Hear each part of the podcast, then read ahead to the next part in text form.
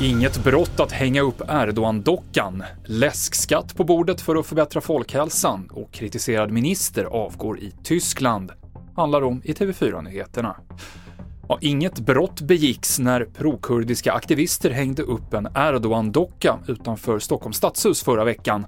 Turkiet har krävt att personer hålls ansvariga för det här, men åklagare här i Sverige säger nu att det inte utgjorde förtal mot den turkiske presidenten och det kommer alltså inte att inledas någon förundersökning.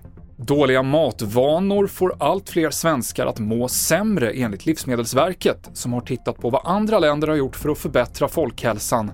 Och en tänkbar åtgärd är att införa skatt på läsk och andra söta drycker.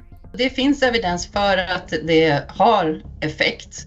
Eh, det har man sett i flera olika länder. Eh, men sen gäller det att hitta en bra utformning. Även vårt eget statskontor utredde det här för några år sedan och kom fram till att det skulle kunna vara ett bra sätt. Det sa Åsa Brugård Konde som är nutritionist på Livsmedelsverket.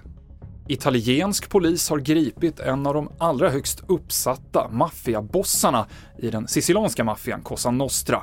Matteo Messina Denaro har varit efterlyst i 30 år och misstänks ha legat bakom en lång rad attentat och mord, bland annat det uppmärksammade bombdådet mot maffiaåklagaren Giovanni Falcone 1992.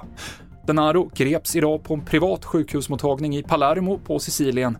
Enligt tidningen La Repubblica så applåderade åskådare på gatan när han eskorterades därifrån.